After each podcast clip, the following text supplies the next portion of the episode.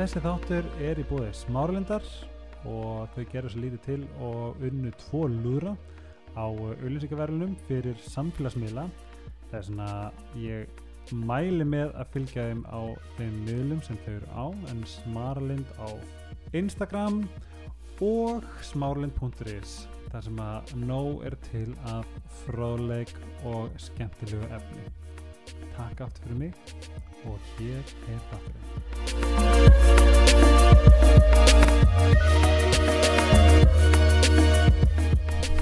Fake it till you make it sko.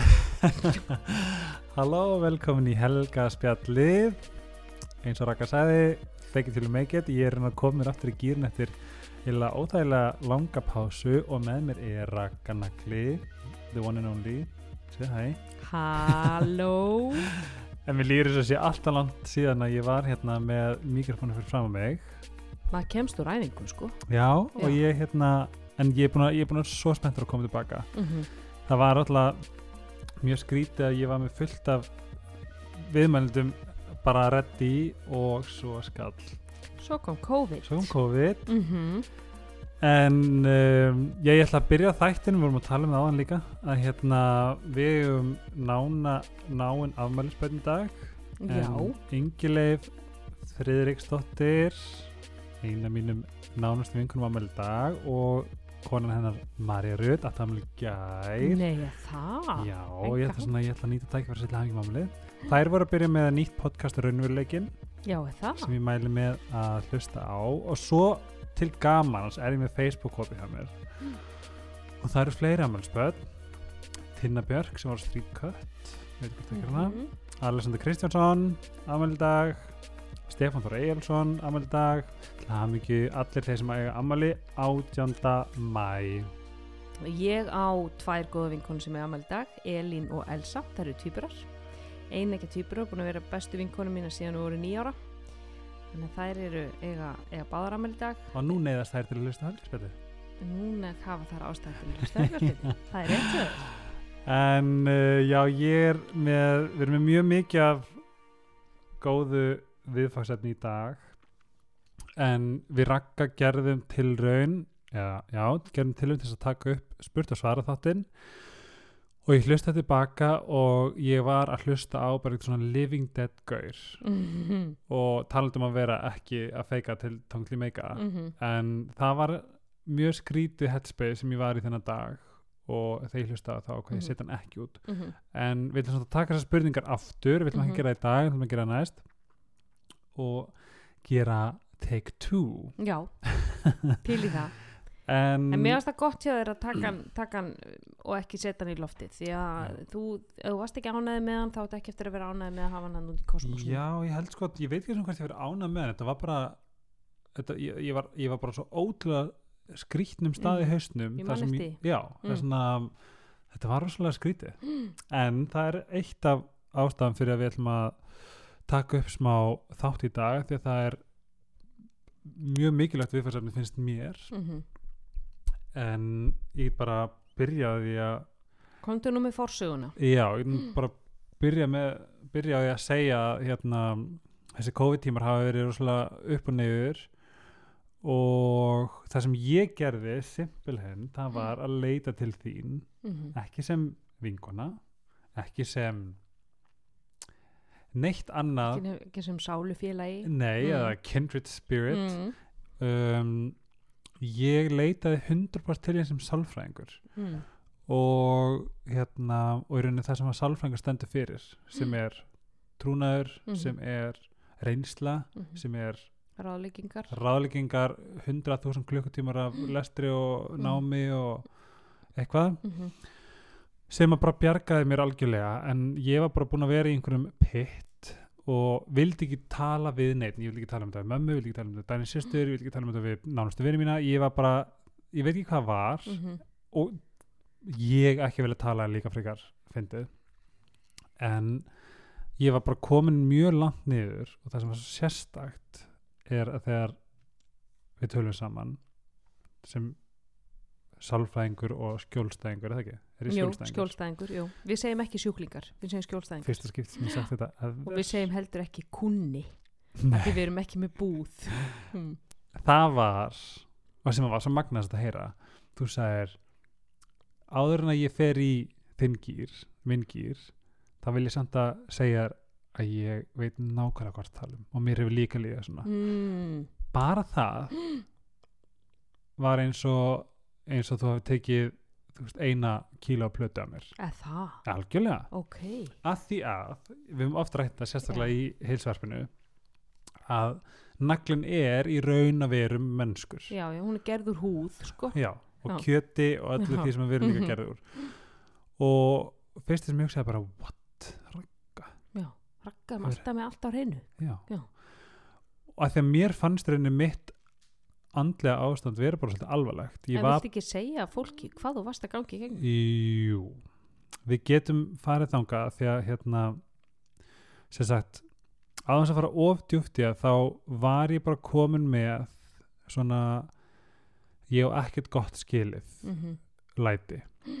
Um, og þið fannst þú líka vera einhvern veginn alltaf fyrir, fyrir, öllum? Já, bara bókstala öllum. Mhm. og við erum að tala um það, þú veist að ef ég hefði ef ég hefði unnið þetta er svona meðvirknis og, og eitthvað svona rugl, að því að segjum ef ég hefði verið að vinna heilan vinnudag Mhm. bara þ- gjörsanlega kyrt mig út þá var ég samt á þeim, á þeim stað að ég hugsaði að ég ætla ekki rauka ég vil ekki vera fyrir ég vil ekki, mm -hmm, mm. þessi vinna mín er einskisverði mm og ég er einskisverði -hmm. og það sem, og ég, við rætum þetta saman það er svo hella spá í því að ég veit alveg að ég hef helling af góðum einleikum og, og hérna já, bara eh, svona I lead with love og ég hress og ég læt gefa af mér okkur svona.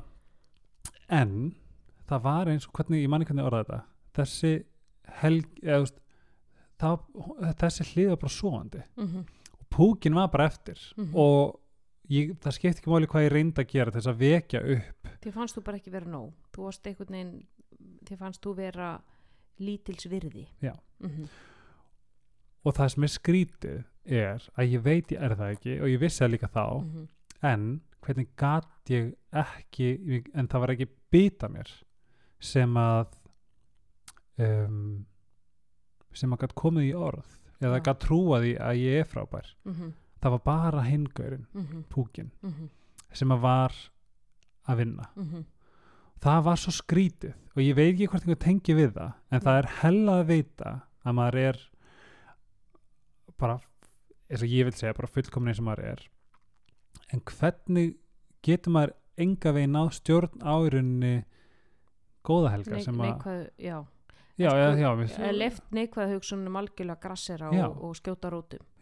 Og eins og ég sagði við þig þá sko hugsanir eru bara eins og veist við ráðum því ekkert að fuglarnir fljúi yfir hausnum okkur Mhm, en við ráðum því hvort þeir gera reyður mhm, í hárinu okkur. Mhm, þannig það er sama með hugsanir. Það geta komið, það koma þess að neikvæðu hugsanir, það koma hjá öllum.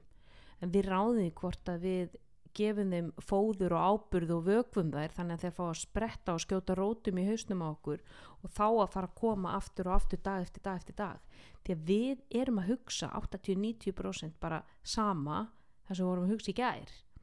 Og ef að það er alltaf þetta neikvæða þá er ég að fara að hugsa það aftur á morgun og aftur á hinn og hinn og hinn. Mhm. þannig að það sem að við veitum aðtigli það vex. Og ef við veitum aðtigli þessum neikvæðu hugsunum þá eru við allt, þá er þær alltaf að fara að vera dominerandi og mér var svolítið fyndið mig, þú saðir núna að þú er svo fegin að ég hef gengið gegnum það sama.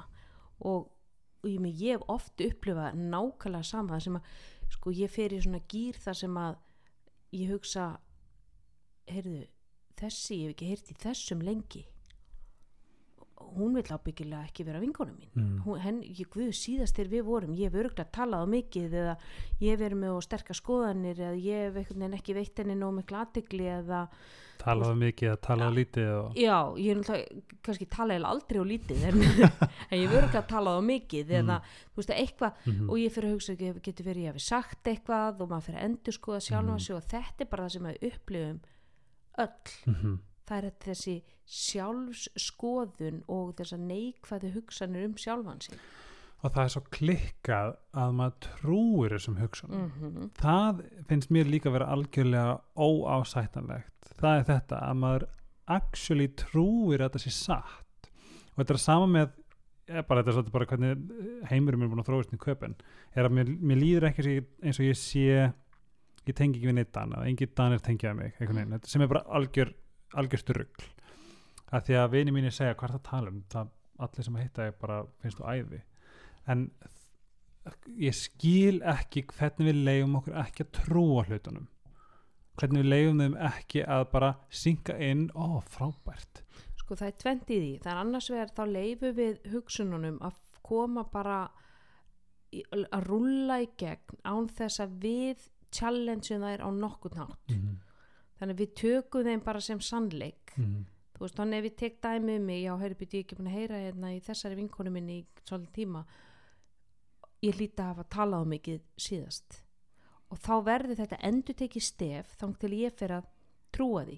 Af því að ég kem aldrei með neinn rök á móti. Ég fer aldrei neina, neina, neina sjálfskoðun um að byrju, getur þetta verið á þetta við rök að styðjast? Er þetta rétt hjá mér? Eða er ég bara núna að detta í einhverja hugsanagildru? Og það eru tíu hugsanagildrur í, í sálfræði og ein af þeim er það sem við kallum hugsanalestur. Mm Þar sem að ég ákveð hvað annað fólk hugsar. -hmm. Aðalega er það að sem annað fólk hugsar um mig. Og það sem ég ákveð að annað fólk hugsa um mig er yfirleitt bara endurspeglun á því hvað ég er að hugsa um mig. Því ég get ekki eignað öðru fólki einhverjar hugsanir eða kendir nema ég hafi búið þær til sjálfur. Þannig að ef að ég hugsa, já, býtu, hún er ekki búin að ringi mig núna í þrjárveikur, það þýðir að henni er ábygglega illa við mig og hún vill Mm. ekki vera vinkonu mín, -hmm. síðast var ég leiðileg. Og þegar að, þegar að það, ég bara, semst, geri það, að þá á ég, þá fara þær bara áreynslulust í gegn, Mhm. þessi hugsun Einmitt. en í staðin fyrir að ég byttu staldraðins við er þetta rétt er þetta á þetta verið auka stiðjast þá fer ég í réttarsalin mm. ok, hver er rökin með og hver er rökin á móti? Hver, hversu oft hefur hún ringt í þig? Getur verið að séu aðrar skýringar á því að já, hún er þryggja batna móðir hún er í fullri vinnu uh, hún er og ég það líka stundum að fara í það að lífið snýst ekki um raskatið á mér. Þú veist, það að einhver ringi ekki mig í einhverja tvæ-þrjá vikur er ekki persónlegt og ég það þá stundum um þetta að fara þangað. Það getur verið að hún hafi bara eitthvað annað að gera. Og erum við ekki sammála um þarna? Hefur þannig séu hefur 99,9% af hérna svona að það hefur ekkert með því að gera. Nei, það er ekkert með því að gera. Skilur og svo er þessi hugsana gildra sérst, að hugsa þessi hugsana lestur ég ákveð það að, já ok, henni þá hún vill ekki vera vingon mín, eða henni er illa við mig eða henni fannst ég leiðileg eða eitthvað sem ég bý bara til í hausnum á mér mm. og þá get ég bæði tekið svona þetta þyrluflug já ok, ég er að hugsa núna að henni sé illa við mig Mhm. ekki það að henni er illa við mig Mhm. heldur nú hef ég þessa hugsun að henni er illa við mig Mhm. ég er að, nú er ég að fantasýra fa, nú er ég búið til fantasíu um það að henni sé illa við mig. Og þá getur líka aftengda að þetta sé ekki heila og sannleikur heldur þetta bara eitthvað sem ég hugsa. Svo er líka svolítið fyndið að því að segja þetta ég var í afmælum daginn og ég heiti mann sem heitir Alex eða eitthvað og ég fann það að honum við vorum ekki að tengja. Mm, honum fannst ég off, mér fannst hann off mm, og ég veit að í dag að við erum ekki svona típur fyrir hvern annan. Mm og það hefur engin áhrif á mig. Nei, þarna horfði ég þannig sé og mér, mér líður að sé að hafi hort á bara vandamáli beint í augun. Mhm. vandamáli en ekki að slepa og það hefur engin áhrif á mig.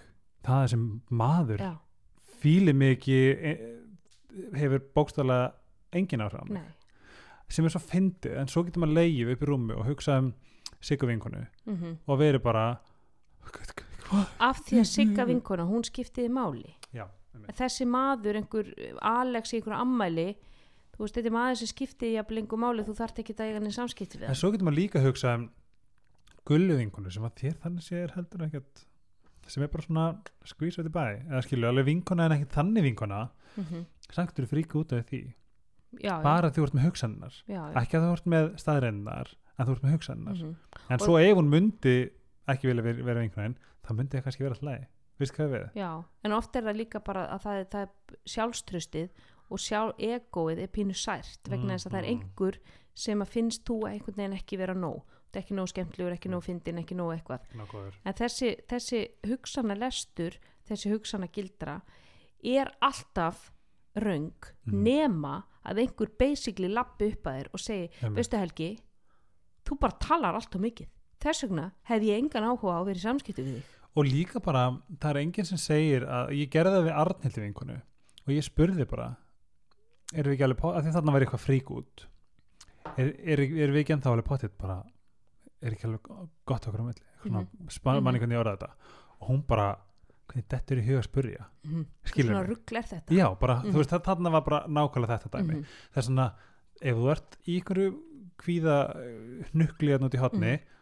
just ask, Já, og mér er oft gott að ráðleika mínu skjólstæðingu með að segja gott te bæðu já, verður það gott, þetta er klipper te þetta er myndu klipper. já, sko, við græn, erum með- Við erum hérna með danskvann með brús, með rabba bara hindbyrjabræði, Já. ég er hérna með nokko og svo erum við te. Já, um, já semst, ef, ef, að, ef að þú getur líka sagt við viðkomandi um, ég er að aðeins búin að vera einhvern veginn að, búa til í hausnum á mér -hmm. þannig að þú segir ekki Já, já, þannig að þú segir er að búa til í hausnum á mér að það sé kannski einhvern veginn styrt á mill okkar er, er, er, hérna, Ú, er gott. það rétt? Gott, Já, gott. þannig að þú ert ekki að segja einhverja staðreind eða hvernig er Ertu það? fúll- Þegar, já, já. ertu full út í mig?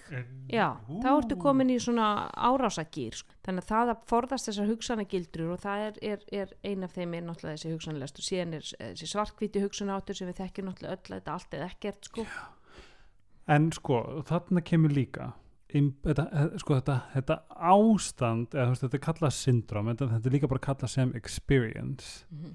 Impostor syndrom, eða Mm. impostor experience. Mm -hmm. þetta er eitthvað sem ég hafði aldrei heyrt og þegar ég las um þetta þetta var alltaf þegar ég las í gamla dag gamla dag, hvað þetta er en gamla dag um ADHD bara býta er ég með ADHD Mm bara allt sem stendur hérna fyrir fram mig er ég að upplifa -hmm. og þetta impostor ég ætla að kalla þetta experience Já, þetta er rauninni ekki syndrom þetta er rauninni bara svona þú veist, þetta er rauninni bara hugtak. Já. Og þetta er bara eitthvað sem er til og þetta Mhm. er eitthvað sem ég held að miklu fleiri upplifi. Mm -hmm. bara, bara ég, mér dettur í hug tíu manns núna. Já, Skilurðu? já, já, þetta er mjög algengt meðal kvenna til dæmis. Það það er upplifað þetta mikið og imposter syndrom er sérst í grunninn þannig að þér finnst þú ekki eiga þína velgengni skil -hmm. þú hafir ekki unnið fyrir henni og þetta er mjög algengt til dæmis á svona ráðstefnum eða fundum eða einhvers stað sem að konur eiga presentir og þær fara inn og þær eru sko tauga hrúur uh, vegna þess að það, þarna muni komast upp um þær. Og það er alltaf þessi hræðsla að það muni komast upp um mig. Nú áttaðu þessi á því að ég er í rauninni bara heimsk. Að ég er á ekkert að vera hérna. Þú veist þetta getur verið sko doktor í hagfræði skiluru en henni finnst samt eins og ég ég, ég, meni, ég var bara heppin í prófunum eða ég átt á, á ekkert skili þessa velgengni. -hmm. og nú komast þau að því. Nú fattaðu þetta. Já, ég las einmitt þetta, þetta maður getur upplifað sig sem fraud. Já, þér finnst þú vera bara fake en að phony sko. en það er líka svo magnað því að máli er þú, þú presentar eitthvað út skilju, en svo líður öðruvísi inn í, mm -hmm. þarna getur líka triggerað eitthvað, skilju mm. hvað eru verkfær gegn impostor experience impostor syndrom sko imposter syndrom náttúrulega er í, er í grunninn bara lélegt sjálfsmátt sko mm. og, og þetta kemur þú laga það ekkert á einni nóttu? Nei, nei, nei, þetta er náttúrulega þetta er stöðu, stöðu Vinna. sko. Mm. og, og þetta er sko í mörgum tilfellum er þetta kemur fullkomnar árata þarna inn sko. Og konur eru með mikla fullkomnar áratu það sem að það er sem sagt það þarf alltaf að vera 100% og ef það er ekki 100% Mm þá er það feiljur og í rauninni er ef að, ef að sko þær hafa einhvern veginn mistekist að þá er það bara 0% sko -hmm. þannig að það er aldrei neitt grátt svæði það er aldrei einhvern veginn ég mér tókst þetta upp 80% heldur heldur er bara allt sem að allt, þær gera svo háar kröfur til sín mm. um það að ég ætla að fara hérna og presentera kannski einhverja grein eða ég er að fara að tala hérna fyrir fram að fylta fólki og ég hyggstaði og, og stamaði pínlítið og þá er, er þetta bara ómögulegt. Mm. þá þarna það mislukkaðist en ekki, heyrðu þetta var frábært en ég hyggstaði aðeins að í byrjun. Skilju, þannig að gráa svæðið er ekki til staðar. Og er ekki líka svolítið að koma aftur bara eins og löst við öllum vandamálum við að spyrja mig að fara svolítið inn á við og eiga þetta samtal eiga þessi, þessa sem, hvað kallar þetta aftur? Rök, Rök, rökræðinar farið réttasalinn réttasalinn já mm -hmm. og, og líka það sem er svo skrítið því ég stend fyrir alls konar Mhm. þú veist, inn að samtalið fara en ég, á þessum tíma sem við, ég átti þarna mitt gráa skí ég fann ekkert af þessu sem að ég hef verið að tala um í podcastinu Mhm. eða Ópra hefur sagt hér og þar bla, bla, bla, bla, bla. og þess vegna og ég tala 100% frá upplifun bara sem gerðist í hvað? Fyrir þreymdum að maður þarf ekki alltaf að vera með eitthvað jú verður nú bara jákvæður eða, Mhm. eða þú skalt bara einblýna bara á hugsa allt jákvæð Já, helgi minn. hugsa hugsa, bara já- jákvæð og, og þú veist hérna, já, þú, ert, þú ert alveg nóg. Já, segðu það bara við þig þrísvæði speklinum Einmitt. ég leitaði til þín mm. og það var svo mikill dílbreyka sálfræðingur er eitt Mm -hmm. en hvað, hann stendur fyrir er annað Mm eitt er einhver munkur hérna getur sagt við þig hérna mambo jumbo bla bla bla en sálfræðingar sem hefur faktist klinikali -hmm. farið í gegnum þetta Mhm. við kannski fleiri en þúsund manns, hundra manns, Mhm. 20 manns, Mhm. whatever þar kemur eitthvað, það kemur eitthvað power inn já, og ég sagði það við þig á eitthvað fyrsta samtali er að að heyra það sem þú varst að segja það er eins og hafi verið að vekja hinn helga upp já, sem að veit allt allt vera jákvæður bla bla bla, en á meðan hann er sofandi þá er hann pínu nokt á já þá er hann heldur ekki að hlusta. Og þú varst bara ekki tilbúin til þess að hlusta fyrir en, fyrir en þarna, þú varst ekki tilbúin að meðtaka það sem að ég myndi segja við þig. Mm. og, og það er sko þetta imposter syndrom er til dæmis, til dæmis ein leið út úr því er líka að tala um það sko það sem þú gerir illa þannig að við Mm. þurfum ekki alltaf að vera uh, að tala okkur upp Mm -hmm. til dæmis eins og ef þú gerir eitthvað sem að þú veist er ekki nóg vel gert Mhm. að þú segir frá því ef við tökum aftur dæmið konan sem fer og heldur ykkur að ræðu og hún hyggst þar og stamar að hún fari síðan eftir á og segi já, heyrðu veist, þetta gekk fínt en að ég hyggstaði aðeins að til að byrja með og, og, og svona var aðeins á fyrstu glærunum en, Mhm. en, en svo bara rúlaði þetta fínt þannig að þú getur líka sagt það og það finnst öðru fólki líka gott að heyra þegar Mhm. við tölum um þar sem okkur mistekst að því við erum öll bara mannli og við höldum að allir hinnir séu með allt sitt shit á hreinu Einmitt, þá eru líka komin í hérna samanburðin samanburðin sem að er líka stór partur af þessu imposter syndrom mm -hmm. imposter experience. Mm en hérna ég En- við getum farið aðeins til það. Já, en ég vil segja all, allavega fyrst sko að það sem ég sagði náttúrulega við þig er að það er ekkert skrítið í þessu ástandi eins og það er núna Mhm. að þessar hugsanir, ég hugsa sér margir sem er að gangi gegn það sama að þeir eru að upplifa eitthvað hugsana minnstur sem þeir hafa opbóðslega mikinn tíma til þess að vera að næra. Mhm. þannig að, að núna til dæmis eins og þú ert ekki í vinnun út af COVID. Þannig að þú hefur allan heimsins tíma til þess að það sprett upp neikvæðar hugsanir og þú tekur það trúanlegar. Og þú nærir þær og vökvar þær og þær fá að spretta bara svo njóli á fjósavegg skilu, þetta er bara Mm. fléttu jurt utan á einhverju, einhverju húsi um, ef að þú værir að fara í vinna þú veist, vakninglan sjö, ég ætla að fara í ræktina á undan ég ætla að hjóli vinnuna, þú veist, hittar alla da da da, rosa Mhm. gaman og kaffi og þú veist, út að eh, taka myndir af hinnum og þessum og, og svo bara eftir vinnu ætla að fara á fredagsbar og, og svo kemur ég heim og það er sushi með Kasper og, og, og date night um kvöldið og skilur, þú hefur ekki tíma Mhm. til þess að hmm, ætli ég sé nógu skemmtilegur? Mhm. þú hefur ekki tíma til þess að næra þessar hugsanir. Og líka sko hvað líður langur tíma á milli, þú ferði í einn hitting, við hittum Mhm. einhvern, einhvern einn hittingur, mm svo er ekki neitt. Nei, þá er náttúrulega allur sá tími líka tilvæðin til þess að einmitt of hugsa hvað, hvað var, hvað var ég að gera þarna síðast? Var ég, talaði ég á mikið, talaði ég ekki og nógu mikið, Mhm. var ég þú veist, var ég skemmtileg, var ég Mhm. fyndin en síðan, sko, ef þú ert í venjulegum bara hverstasleika Mhm. þú ferð á, og hittir vinnina eftir vinnu og svo á morgun er, þú veist, annar hittingur þú bara, þú hefur ekki tíma til þess að vera eitthvað að analýsera eitthvað einasta hitting sem þú ert búin að vera í og það sem var svo fyndið ég þess að hringdi mömmu eftir okkar samtal og nefndi við hana og hún sagði, ég, ég, ég sagði henni já, þú veist, rakka að tala um félagslíf og mitt fyrsta innsengt var ég ég hef alveg, veist, ég get alveg verið einn mm ég þarf ekkert félagslíf en svo þú rættir þetta við mig og sagði mig frá þessu þá var ég að efa Mhm. þá til allt inn að kikka inn -hmm. auðvita ég þrýfst á að mæti vinnuna Mhm. vera með vinnum mínum Mhm. sem ég vinn með bla bla bla bla bla hér þar þar, svo er það búið Mhm. Þá ertu komið með eitthvað svona eitthvað svona, hérna, svona smá kvirvilbil af einhvern svona alls konar dullerí sem úsla gaman og það var smá drama eða þessi eða þetta og þessi vera aðeins að tuði við þessum eins og það Mhm.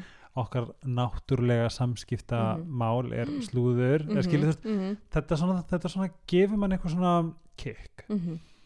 og svo ferðið mitt heim út með hundin, Mhm. hittir hinn hundegandan Mhm. bam bam bam bam bam og það, það kikkaði allt í einu inn Mhm. Þú hefur rétt fyrir þér með félagslífið sko, ég, ég bara sé þetta hjá bara mínu skjólstæðingum að, að þeir koma tíminn þeir halda að séu það sé eitthvað að núna og nú er ég, þú veist, nú þarf ég að fara aftur á kvíðalifin eða nú þarf ég eitthvað og það er bara vegna þess að ég, ég er bara að sjá þetta aftur og aftur mm. COVID er að kæfa okkur af því að við erum ekki að næra félagstögin Mhm. okkar við erum félagsverur í búinn og grún sko Mm. og við við uh, sko heilsan okkar er við þurfum að sinna sko líkamlega heilsunni, við þurfum að hreyfa okkur við þurfum að, að sinna semst, þessari þörf líkamans til þess að hreyfa sig. Við þurfum að sinna andlega heilsun okkar, við þurfum að fá breyk, við þurfum að fá sjálfsarækt við þurfum að gera eitthvað sem að nærir okkur við þurfum að komast í heitt bað eða veist komast í nutt eða hvað það er sem er fyrir okkur, það er ekki það, er ekki það sama fyrir hvern og eitt hvað, hvernig þú sinni þinni andlega og heilsu. Mm. veist, Mhm. mér finnst dæmis alveg fokk leðilt í baði skilur, ég er, það, það mynd aldrei Er já, ég er engin baðmanniski oh, það er alveg drep sko.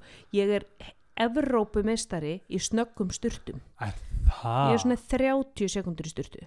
Veistu það, já, að baða mig ég myndi sleppa því ef það væri félagslega samtíkt ég er öfugt já, en sko þarna er engin sjálfsrækt. En fyrir mig er það til dæmis að fara í eitthvað hardcore íþróttanutt það er sjálfsrækt fyrir Mhm. mig, skilju það er ógeðslega vond en það er bara geggjað, fara til fóta að gera fræðings, geggjað sjálfsrækt. Fara og láta lita mér augabrúnar sjálfsrækt. Að því að tala um sjálf, sjálfsagt má ég segja hvað ég skrýnsetta myndasíma minn mm, sem heitir sem stóð á self-care mm. is being productive. Já, can I get an amen? það hello amen. Amen. Það er algjörlega vegna þess að þú býrð til tíma. Þetta er sama með ræktina til dæmis. Mhm, ég hef enga tíma til að færa ræktina. Nefnir veistu, ef þú ferði ræktina þá færðu tíma. Einmitt. vegna þess að þú færð meira productivity í daginn. Ég er miklu meira produktív dagana sem ég æfi heldur en dagana sem ég æfi ekki. Þú veist, til dæmis tók ég pásu í gerð ég var alveg, alveg búin á því. Mhm. ég var drattandi mér í gegnum hennar dag. Ég bara, ég veit ekki hvernig þú veist.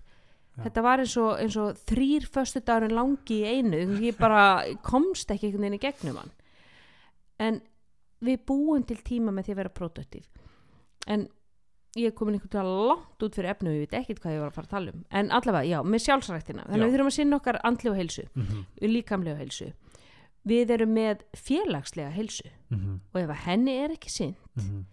þá er sko getum við eiginlega garantera það að við erum ekki að fara að sko operata eins og manneskur Ah, svona thrive. Við þrýfumst ekki, við þrýfumst á félagslegu samneiti, það er bara það er okkur nöðsynlegt Ma mannskeppnan er félagsvera. Og maður sér það sko, það er til dæmis rannsóknir sem sína það að það er hættulegra að vera einmana. Það, það eru fleiri sem deyja úr einmanaleika heldur en krabbaminni það er sko þeir sá það, að það reykja 15 sígarettur á dag versus það að vera einmana. Mm. það er hættulegra að vera einmana. Einmannleiki drepur. Þannig að það að, sko, þó, að, þó að þú já, ég, ég, er alltaf, ég er bara introvert og ég get alveg Einmitt. verið bara eitthvað að dunda mér heima og allt Einmitt. góðu. En þú færð ekki félagstætt samneiti þá það deyr eitthvað innra með þér.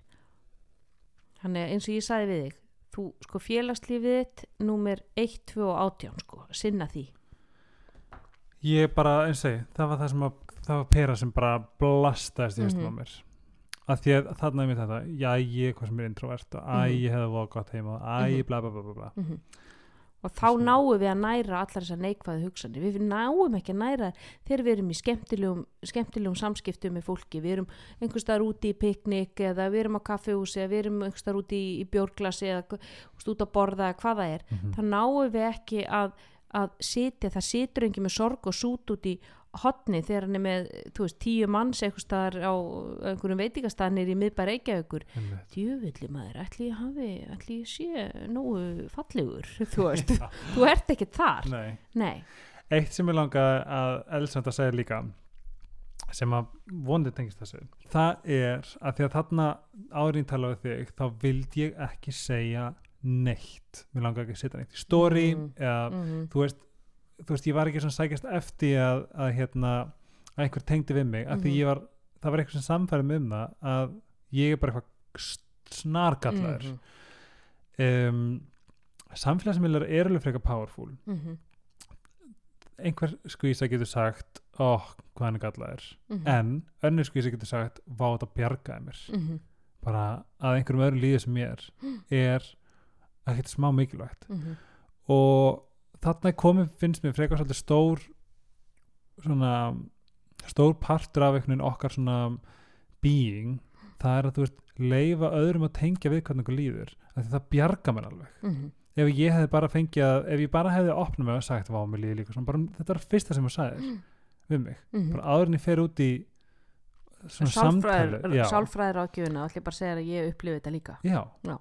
Og það naglinn upplifir þetta Og ég meina, líka þú skilur, veist- ég var bara what? Já, að sko, ég meina sálfræðingar verða líka dabrir og, og, og einmitt, naglinn verður líka þreyttur og Mhm. þú veist, það, það, við erum öll bara mannleg og en Mhm. að fá að heyra það að einhver annar sé að gangi gegnum það sama þessin er oft hópa meðferðir svo powerful, eða þú veist, er svo rosalega hérna, og ég vil meina að helgaspjallið sé bara svona lúmsk hópnað það er algjörlega. En ef einhver skilur tengdi við þetta sem við erum Mhm. að tala um núna þá veit ég að þetta er að fara að gefa eitthvað svona smá létti af því að það er við sjáum bara hvað allir eru ógst að döglegir í, í COVID en við sjáum það líka hjá fólki sem býr eitt og er mikið innmanna og er ekki svona að, að leita eftir félagskap það verður rosalega það verður ekki proaktíft það verður ekki þannig að það te tekur ekki upp tólið þú veist, eh, sendir ekki skil upp og hæ Siggi, hérna er að koma í bíó með mér eða viltu hérna koma og að hittast á kaffehúsi eða hvað ert þú að gera í dag? Mhm. heldur það verður reaktíft. Það er að býða eftir einhver ringið það. Algjörlega og ég get sagt það að ég, mér var bóðið viltu koma? og eitthvað svona. Mitt svar og ég sagði við alla meiri sagði þú veist gulli vinur minn sem var bara nennir bara að ringja og mm -hmm. heyri mér að skilja koma en ég var bara eitthvað nei ég, ég var sannfæður um að ég var bara dökkgrátt ský já, sem myndi eðilega daginn þeirra ef ég Mhm. myndi opna mig kjæftin Já. eða ef ég myndi leifa þeim að þrýfast í þessari orkuminni sem var þannig sér ekkert slæm en þetta var minn þetta sannfæri ég um. upplið því, og þess vegna vildi ég bara þig sem sálfræðingur já, en ég hugsaði með mér og ég hugsaði þetta bara o- o- alveg bara beint ef að Raka var ekki sálfræðingur þá hefði ég aldrei talað við hana Nei. af því að þá myndi hún sjá hvað ég er ógeðslega gallaður og hún myndi hugsa bara hvað hvað er aðeins um gæja? Ég ætla ekki að- vera vinkun hans. Já, Já. þetta var mín sannfæring mm. innan með mér og ég sverða. Ég, sagði, ég va valdi ekki að segja mömmu þetta af því ég hugsaði ok, þá er ég að valda minni mömmu óþægindum Mhm. og svo er áhyggjum og vanlíðan. Það er imposteri líka. Já, það er þess að ég vil ekki vera byrði á neinum. Já, já, og það kemur líka inn á það að fólk sem er eitt og Mhm. einmanna að það vill ekki vera byrði á neinu. Þess Mhm. vegna verður það er það aldrei proaktíft þess vegna tekur það ekki upp símtólið vegna þess að byrja, hann er örgla, þú hefur svo mikinn tíma Já, til þess að ofhugsa hlutina. Einmitt. hann er ábyggilega upptekinn. Hann er ábyggilega núna að borða hann ætla ekki að ringja núna. Já, og ef ég, nei, hann vill örgla ekkit fara í bíó vegna þess að hann verður örgla búin að sjá þessa mynd eða mhm, hann hefur ekki tíma, hann er með börn og hann getur ekkit verið í þessu. Þannig að þú ert búin að búa til sögu áður en þú nokkuð tíma tekur upp tólið. Þannig að þú tekur aldrei upp símtólið og það verður aldrei neitt og neinu. Þannig að þú hittir aldrei neitt og þannig að þú nærða næra þessu hugsan þú ert bara neikvæðin spíral Já. alveg bara niður í toiletið sko. Já, ég vil bara segja þetta við alla sem vil hlusta ef að manni líða mig það, þú veist ég sverða það, ég, ég leita til sálfræðings og það bjargaðum, það þurfti rauninni við áttum tvö samtöl, fyrsta Mhm. bara letti af mér og ég vaknaði til lífsins og annað einhvern veginn svona, Svo follow up já þú svona, já, svona þú leiti mig svolítið út í heiminn aftur skilju, Mhm. og nú er ég bara að þrýfast mm -hmm. þetta var magnað sko. Það er og heyra það var líka magna þú veist, ég er alveg þakkláttur fyrir þessu upplifun því ég hef aldrei upplifað mig svona slæman allavega í mörg, mörg, mörg, mörg ár. Og ég veit einhvern veginn bara í hjartanum mér að það er miklu fleiri sem díla við þetta. Alveg, absolutt. Og ef við komum inn á til dæmis eins og sko, samanburðin því að hann er svo sterkur í, í, í svona imposter syndrom líka að það að við fyrir að bera okkur saman við alla hinn og allir hinn eru betri en ég og allir hinn eru með þetta meira þeir eru með hérna, allt sitt alveg bara tandur hreinu en ég Mm. er hérna í ruglinu og, mm. og um þetta og þú segir þú veist, ég vil ekki segja neinu frá því hvað ég er að, að gangi gegnum þess að Mhm. þau hugsa örgla býtu er hann eitthvað, hann á bara að fara eitthvað að geðdild hann helgi sko, hann er bara eitthvað að honum Já. að því þú situr heima einn, ekki vinnunni eina sem þú ert að gera er þú ert á Facebook eða Instagram og skrolla og byrja já þessi, hann var að rektinni og þessi var að gera þetta og þessi er algjörlega það er allir hinnir eru þeirra lífi er bara glimmer og, og, og bara Mhm. pállóskar í diskogalla sko, Já. þú veist og ég er hérna heima bara í, í ruglinu sko mm. Þannig að samanburðurinn er, hann er þjófur ekki bara gleðinar, heldur hann ræniði tíma, Mhm. hann, þú verður ekki þakkláttu fyrir neitt í þínu lífi, Mhm. þú sérði ekki það sem að þú átt eða það sem Mhm. þú hefur og hann ræniði líka sjálfströstinu, Mhm. þú veist, ég er ekki nóg góður, ég, þau eru all miklu betur en ég, þau eru með þetta allt saman. Þannig að samanburðurinn við einhverjar uh, glansmyndir á, á Instagram, það er eitthvað að versta sem við gerum þegar okkur líður svona. Hvað myndur þú segja við eitthvað sem er bara þjást af einhverju samanburðar syndromi bara allan daginn alltaf? Sko í fyrsta lega skoða okkur hvaðan er samanburðurinn sprottin, hvaðan kemur hann getur verið að, hún veist, er ég, er ég hangandi á Instagram og Facebook of mikið, Mhm. er, ég, er ég að sjá of mikið af einhverjum, einhverjum glamúr myndum sem að er að slá ríki í augun á mér, Mhm.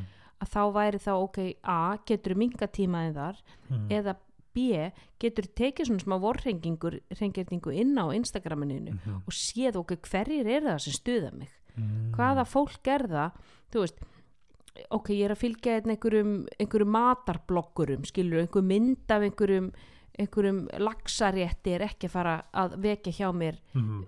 tilfinningur um það að ég sé ekki nóg Mhm. en kannski mynd af uh, hálf nögtum líkama þú veist, og þá getur verið einhver sem er rosalega grönn og mér Mhm. langar að vera rosalega grönn Mhm. eða einhver sem er rosalega mössuð og mér langar að vera rosalega mössuð Mhm. þannig að hún hefur eitthvað sem ég hef ekki Mhm. og getur verið að það stuði þig og, og, og þannig að sko við byrjum daginn okkar, hvernig byrjum við flest daginn okkar þú veist, ég, ég sest á klósettið og ég kveikja símanum mínum og ég fyrir beint inn á innstæðið eitthvað og ég siti á, á á, þú veist, ég kannski 2-3 myndu bara svona einhvern veginn að koma mér í gang. Þannig ég byrja daginn í neikvæðum fasa ef ég sé eitthvað sem stuða mig. Þannig þá er það fyrsta, ok A, get ég hætt þessari hegðun. B, get ég fyllt bara eh, matarblokkurum og kettlingavídeóum, mm skilur þú veist, eitthvað Mhm. sem að gefi mér einhverja gleði. Þannig að það væri allavega svona fyrsta skrefið. Og síðan að vera bara með til dæmis, þú veist, margir tala um þakklæðisdagbókina, þar sem þú byrja að dæna að skrifa, ok, hvað er þakklátt fyrir í dag? Það getur verið bara eitthvað, þú veist, fyndu bara eitthvað rugg, þú veist, margir eru bara, uh, þetta er svo glatað, en þetta gefur mann ótrúlega mikið ok, hvað er þakklátt fyrir, ok, sama bara í gær hérna, úsla þakklátt fyrir manni minn kaffipotlan og ég með heilsu Mhm. þú veist, og þetta getur alveg verið bara eitthvað svo ógeðsleg klísja Mhm. en með tímanu þá fer það að fara að kafa dýbra og er svo í lí- lok já. dagsins hvað gerði ég jákvætt í dag Mhm. og þannig mikilvægt, hvað gerði ég jákvætt hjálpaði ég einhverjum? Mhm. Já, heyrði ég mann eftir, ég hjálpaði hérna konunni í útubúðinni, þú Mhm. veist, með hérna, og eða, já, ég ringdi mömmu og hún var, hún var rosa ánæg ég ringdi, skil, það getur verið eins ómerkilegt og er, hvað gerði ég jákvætt í dag? Þú veist, hvað er ég, hvað hef ég fram að færa? Þetta er ógslag mikilvæg mikilvægt ráðhjáður að því að sko fólk hugsar kannski já þetta er hérna eitthvað enninski dag og bla bla bla. En undir meðutundin er svo fáránlega styrla fyrirbæri. Og þegar þú getur hort á eitt fitnessgör Mm -hmm. og svo skrollar bara. Mm en það sem, það sem þú finnur ekki fyrir er að það var einhver hugsunarna sem triggeraðist sem leiðist niður í undirmeðina og er bara þar -hmm. eða að heimilitt er í rústi Mm og þú horfir á eitthvað gaur eða skvísið og whatever þrýfa heimilið í einu Mhm. spick span story -hmm. og þú kannski skrollar áfram en þú getur samt þú veist, þetta getur samt orðið mitt eitthvað svona smá, tryggar eitthvað smá í hausnum Mhm. sem var svo hægt rólega svona dvínar niður í undir með og þetta er akkur kjarnin í hugrætni atveldismeðferð. Það er að hugsaninnar þær eru þær, hugsanir valda tilfinningum það er það sem við hugsum. Hugsanir valda tilfinningum. Er, að- þú, þú finnur fyrir tilfinningunni. Þú finnur fyrir kvíðanum eða gremjunni eða reyðinni eða pyrringnum eða, eða það er ekki nóg eða imposter syndromin eða hverju sem er. Þú finnur fyrir því en það er einhver hugsun á undan. Mm -hmm. og hugsunin kemur tilfinningunum að stað og hún veldur líka einhverju líkamlegu þú, tilfinningu fylg, fylgir alltaf eitthvað líkamlegt. Mm. veist, hvort sem það er hnútur í maganum eða þú veist, sumi fá, ég fæ svona til dæmis ef ég fæ, ef ég fæ kvíða fæ svona þú veist, þá fæ ég svona, Færð þú? já, já, svona eins og ég hef snert ramaskýringu það er svona, þú veist, já, smá svona kannski ef ég fæ bref frá skattinum eða eitthvað skilur, það er bara, oh, fuck, hvað er þetta Mhm. það kemur svo búm eins og Mhm. einhverju kilt mig í maðan þannig að við fáum einhverju svona tilfinningu og við bregðumst alltaf einhvern veginn við Mhm. með einhverju hegðun Mhm. hvort sem að það er einmitt að skrolla áfram eða þú veist að það er einhver, eitthvað viðbrað Mhm. þannig að þetta er ringrás en við áttum okkur ekki oft á því hver var hugsunin sem kom þessu öll að stað? Mhm. þannig að bara það einmitt að fara í gegnum Instagram og þetta, þar, þetta er sko splitt sekundur sem þetta gerist. Hei, þannig er einhver sem er betri en ég. sem er betri en ég á einhverju sviði einmitt, Mhm. heimileginar er, er hreitna einmitt, þú veist, segjum að ég sjá hérna Solrún Diego, Mhm. skilur þú veist, ég get ekki verið með lengra frá henni. Hún þrýfur opnin sinn á fimmtudugum, ég hef aldrei þrýfið minn þú veist það er bara þannig, já, ég, myndi ekki, ég veit ekki eins og hvernig ég á að gera það. Nei. og þannig að, þú veist ég, ég myndi sjá hana, allt spikk og spann og fínt allt í rúst hérna hjá mér. Og ég þarf ekki annað en bara kannski að skrolla. skrolla, gjóa augunum á, á vaskaborðið hjá mér og sjá, ok, hér er allt út um allt. Mhm. ég er eitthvað að feila, ég er Mm. eitthvað verri en hún. Ég er eitthvað síður en hún, Einmitt. þetta er bara dum, smá, ég held áfram að skrolla en ég er búin að koma tilfinningarnast að ok, þú ert ekki nóg, þetta er ekki nóg gott er, þú veist, heimilið þitt er ömlið þú, ert, þú gerir einlega ekki nóg góð að þrýfa þú, þú gerir ekki nóg. Sem að veldur því að ég fer út í minn með þessa neikvæði tilfinningu Ó, sem að síðan bara spíralast í það, já, ok, já, ég er ekki, ekki nóg hérna heldur í vinnunni eða, þetta er samt svo ógeðslega harsh raunveruleiki því að nú miða ég mig bara við alla þessa sæti gauðra sem ég er að followa. Já, til dæmis. Mhm, og segjum að þetta er fimm í einu. Mhm. Fimm í mynd af þessum, þessum, þessum og þessum og þessum. Allir miklu sætar en ég, allir Já. miklu betri en ég. Og það sem er styrlað er að þetta þú finnur ekki fyrir því þú færð endilega ekki draflást þú færð ekki neitt, það gerst ekki neitt nema þetta sest í undirmeðuna og það sem sest í undirmeðuna við þurfum líka svolítið að taka ábyrð á því. Já, algjörlega.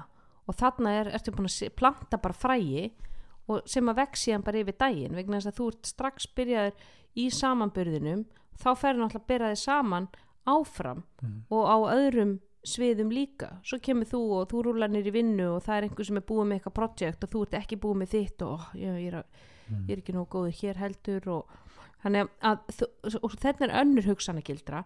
Við förum að fókusa á hið neikvæða. Mhm. það er ein hugsanagildra. Hugsunar gildra Já, er ég svona svo- orð sem að þarf vel að sko, hugsanagildra. Ég, sko þetta heita þetta heita á ennsku cognitive distortions sem er Mhm. náttúrulega mjög flókið orð. Mm. Íslendingar hafa þýtt þetta sem hugsana villa mér finnst hugsunar gildra gott orð til þess að vera meðvitað um. Já, að að því við, geta sagt við sig er þetta hugsunar er ég að detta í gildru já, er þetta ekki gildri Já, að því að hugsana villa hún finnst mér vera svona neikvætt hlaðið orð Mhm. sem að gefur til kynna að þú setja að hugsa okkur rángan hátt Mhm. en hugsana gildra er bara æ, þú veist, við getum alltaf stíðið í einhverja gildru Einmitt. skilju, það er bara óvart mm ég get losað með úr henni skilju -hmm. þannig að hugsana gildri þetta er þess að, að, að fókusa á hið neikvæða að horfa fram hjá öllu hið jákvæða Mhm. Þannig að við dettum í það líka. Þannig að ef ég byrja daginn á því að ég sé eitthvað neikvætt við mig, ég er ekki nóg sætur ég er ekki nóg dölur, ég er ekki með nóg fínt heimili veist, að þá fer ég, fer ég áfram já ok, það er alveg rétt hjá mér.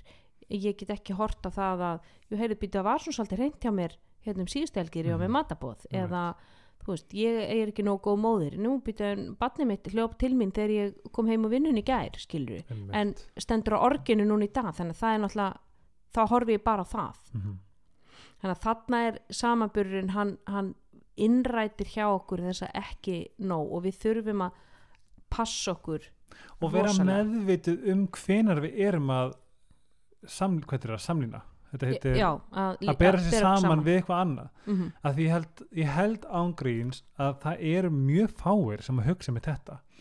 Ok, nú er ég að bera mig saman við eitthvað sem er bara sem, bókst, sem skiptir engumáli sem er ekki rétt. Nei, Þú veist, en ég veit ekki hvort að maður finnur marga sem að mitt markvist hugsa ég er að bera mig saman við eitthvað sem er óraunhæft og ég ætla að hætta því. Nei, það er örgulega mjög fáir. Já. og það sem við höfum tendens til að gera er að við berum okkur saman sko, við erum alltaf að hugsa um það sem okkur skortir.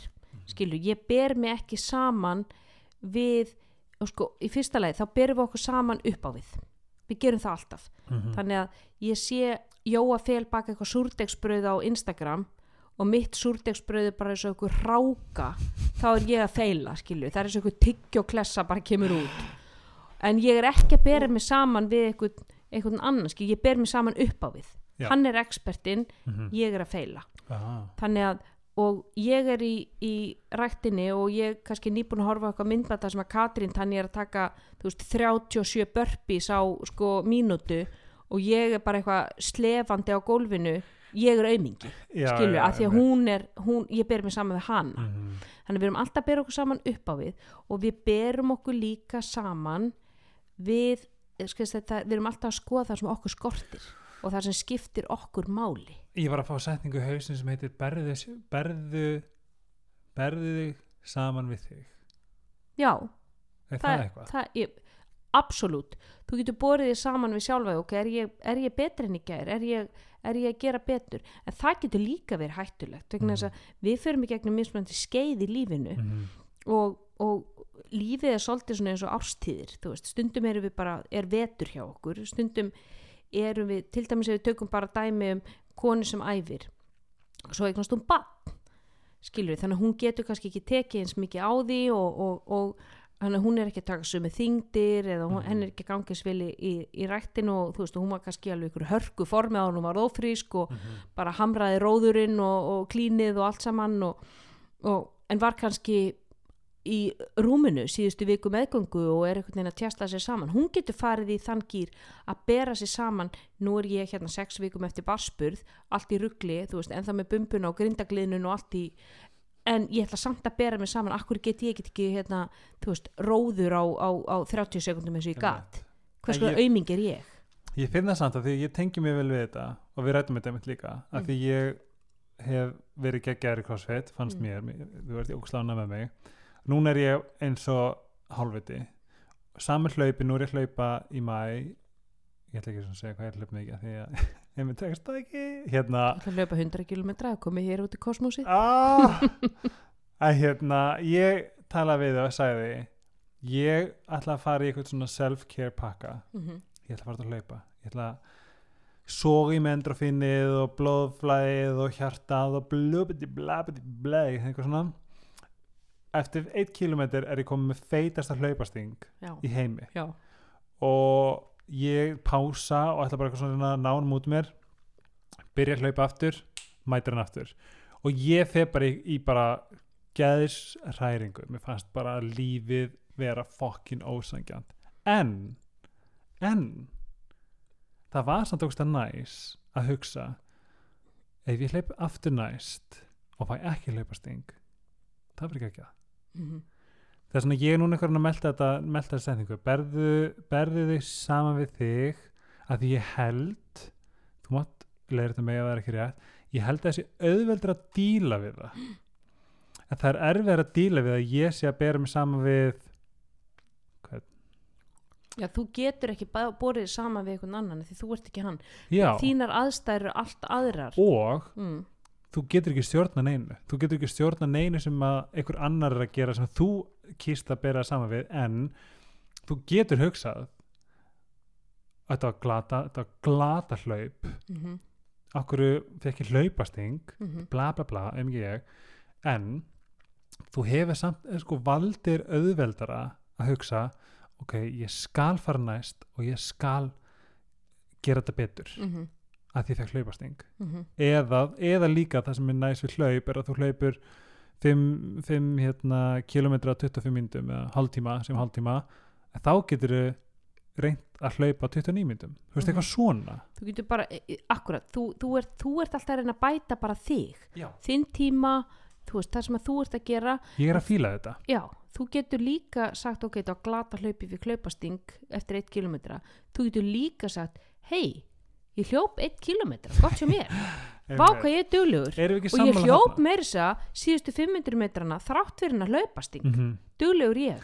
Erum við sammála þarna að það er kannski auðveldari pakki að svona díla við? Algjörlega.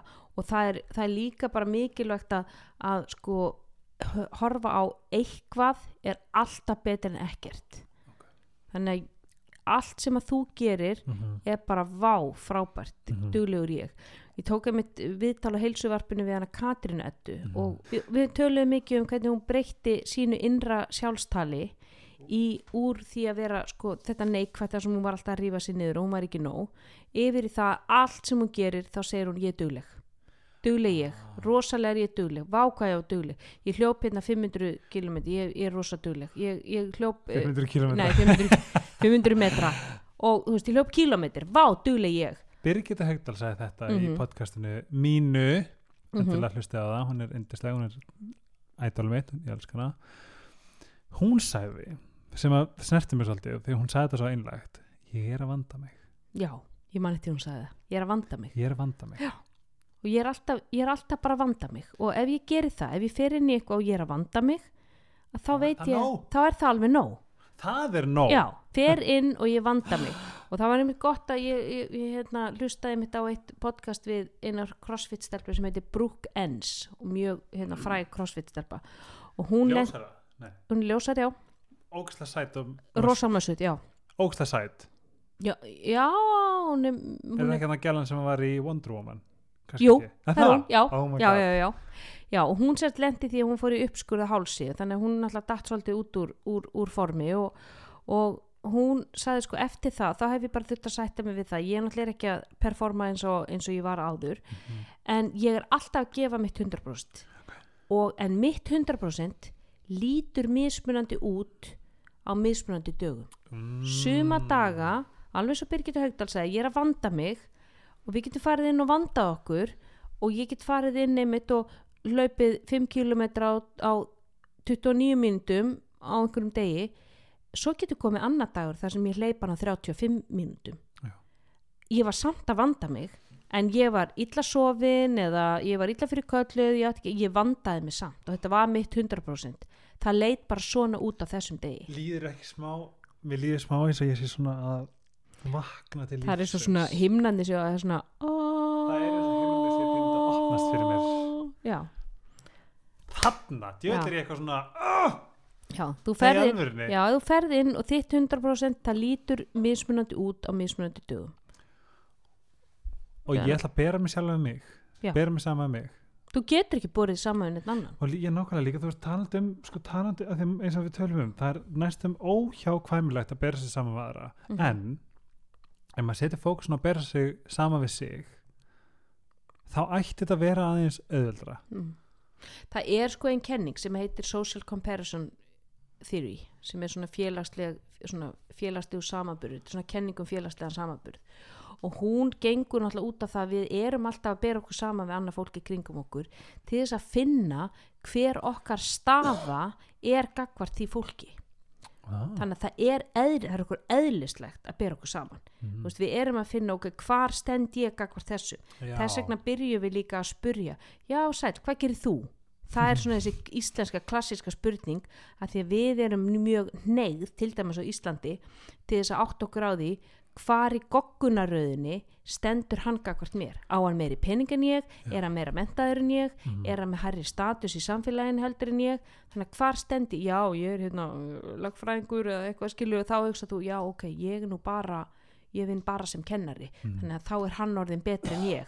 Þannig að það er okkar eðlislega hugsun í staðin fyrir að hugsa auðvitað það rámt, ég meina við erum bara öll manneskjur og skiptir engu máli hvað hva stendur á okkur sem nafnspjaldi já, ég er með þar, mér er slétt Já, en sumi gangast upp í þessu þú veist, einhverju menta, mentasnoppi ef maður getur Mhm. kallað það eða veist, hvar, hvar, röngum við eða þá þú horfir á hann og hugsa er hann fallir en ég, er hann í Mhm. betri er hann í fallir í fötum en ég, er hann í betra Já. form en ég, Mm.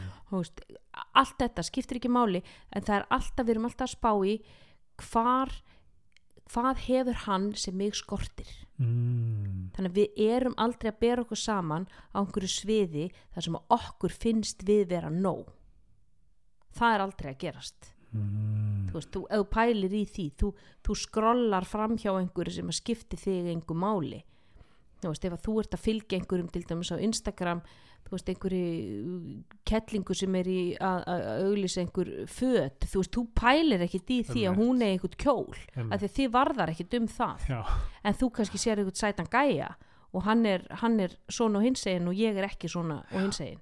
Þá, það snerti þína taug.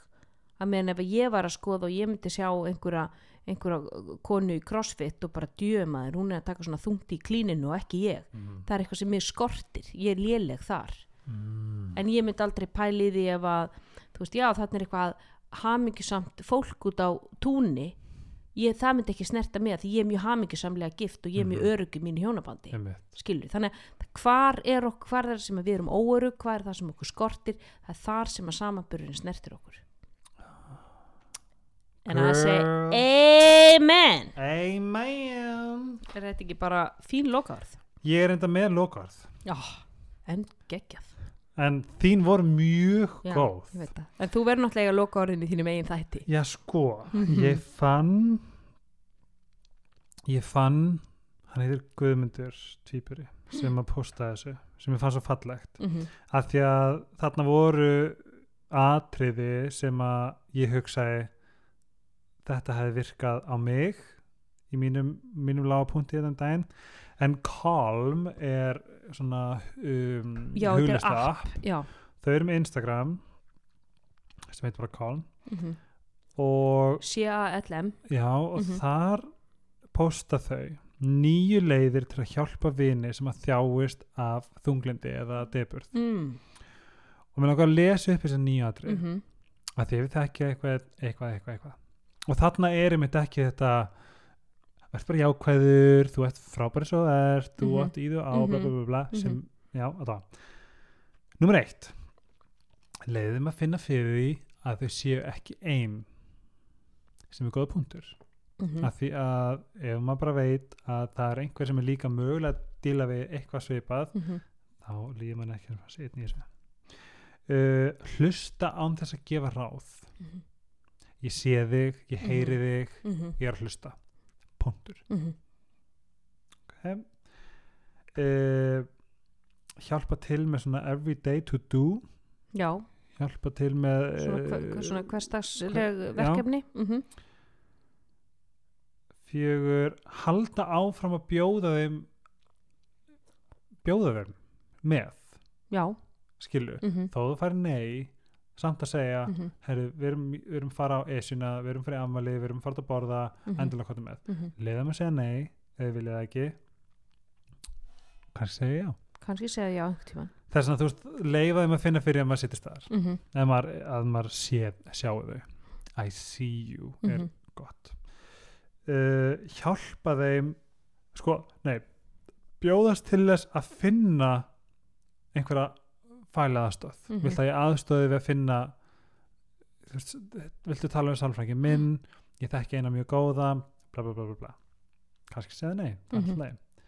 Nummer 6 uh, vera vissum að þau hafi sagt, um, emergency contact. Já. 1717, bergið, mhm, hvað sem er. Mhm, um, að þau séu með eitthvað svona fælega nú, símanúmer, e-mail eitthvað sem þau getur leita til er Mhm. eitthvað uh, hvetja þau til að finna sína leið. Mhm, uh, en á ennsku er þess að encourage them in their chosen path. Já, mjög gott. Mhm,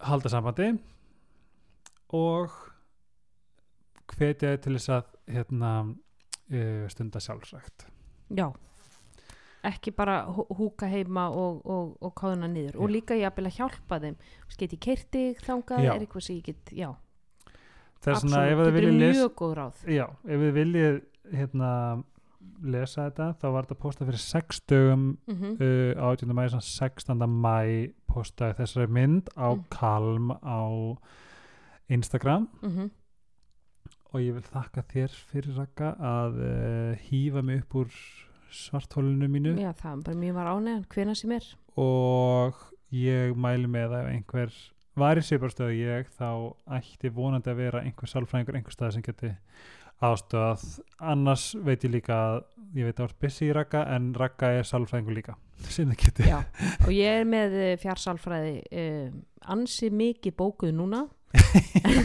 Það er alveg bygglisti þannig að það er alveg að senda Já. mér og komast á hann ég Mm. bara, ég er svo þakklæð fyrir að, að, að þú hafi fundið tímapláss fyrir mig já, ég, nei, ég bý til tíma fyrir okkur já, þetta er mjög Mm. fyndið, ég Mm. get bara svona eldsnögt deilti með okkur, ég hef hringt í röggu þetta er svo í framhaldsskóla Mm. þá hringi ég hérna á í, á stofinu sinni ertu í einhverju gati í dag já, svo mæti ég Já.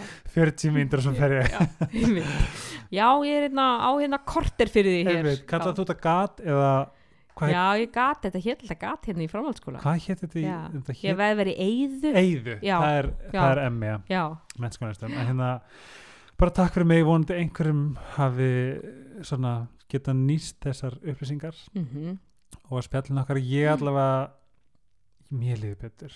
Það er gott að heyra. Og ég er rosalega ána með þetta svona samaburðar hugmyndum að bara bera sig við sjálfa sig og vera Mm. betur en maður var í gær og Mm. ef maður er það ekki þá það alltaf er líka. Það er bara, um passa sig að festast ekki í samanbyrjugrifinu og bera sig saman við eitthvað sem er óraunhæft hvort sem að það er maður sjálfur eða einhver annar. Þannig að bara takk fyrir að lusta öll sömul, takk fyrir Takk fyrir okkur og eins og Birgit Hegdal sagði vöndum okkur. Hafa gott og elskið og hlægið og grátið. Heyrumst, bye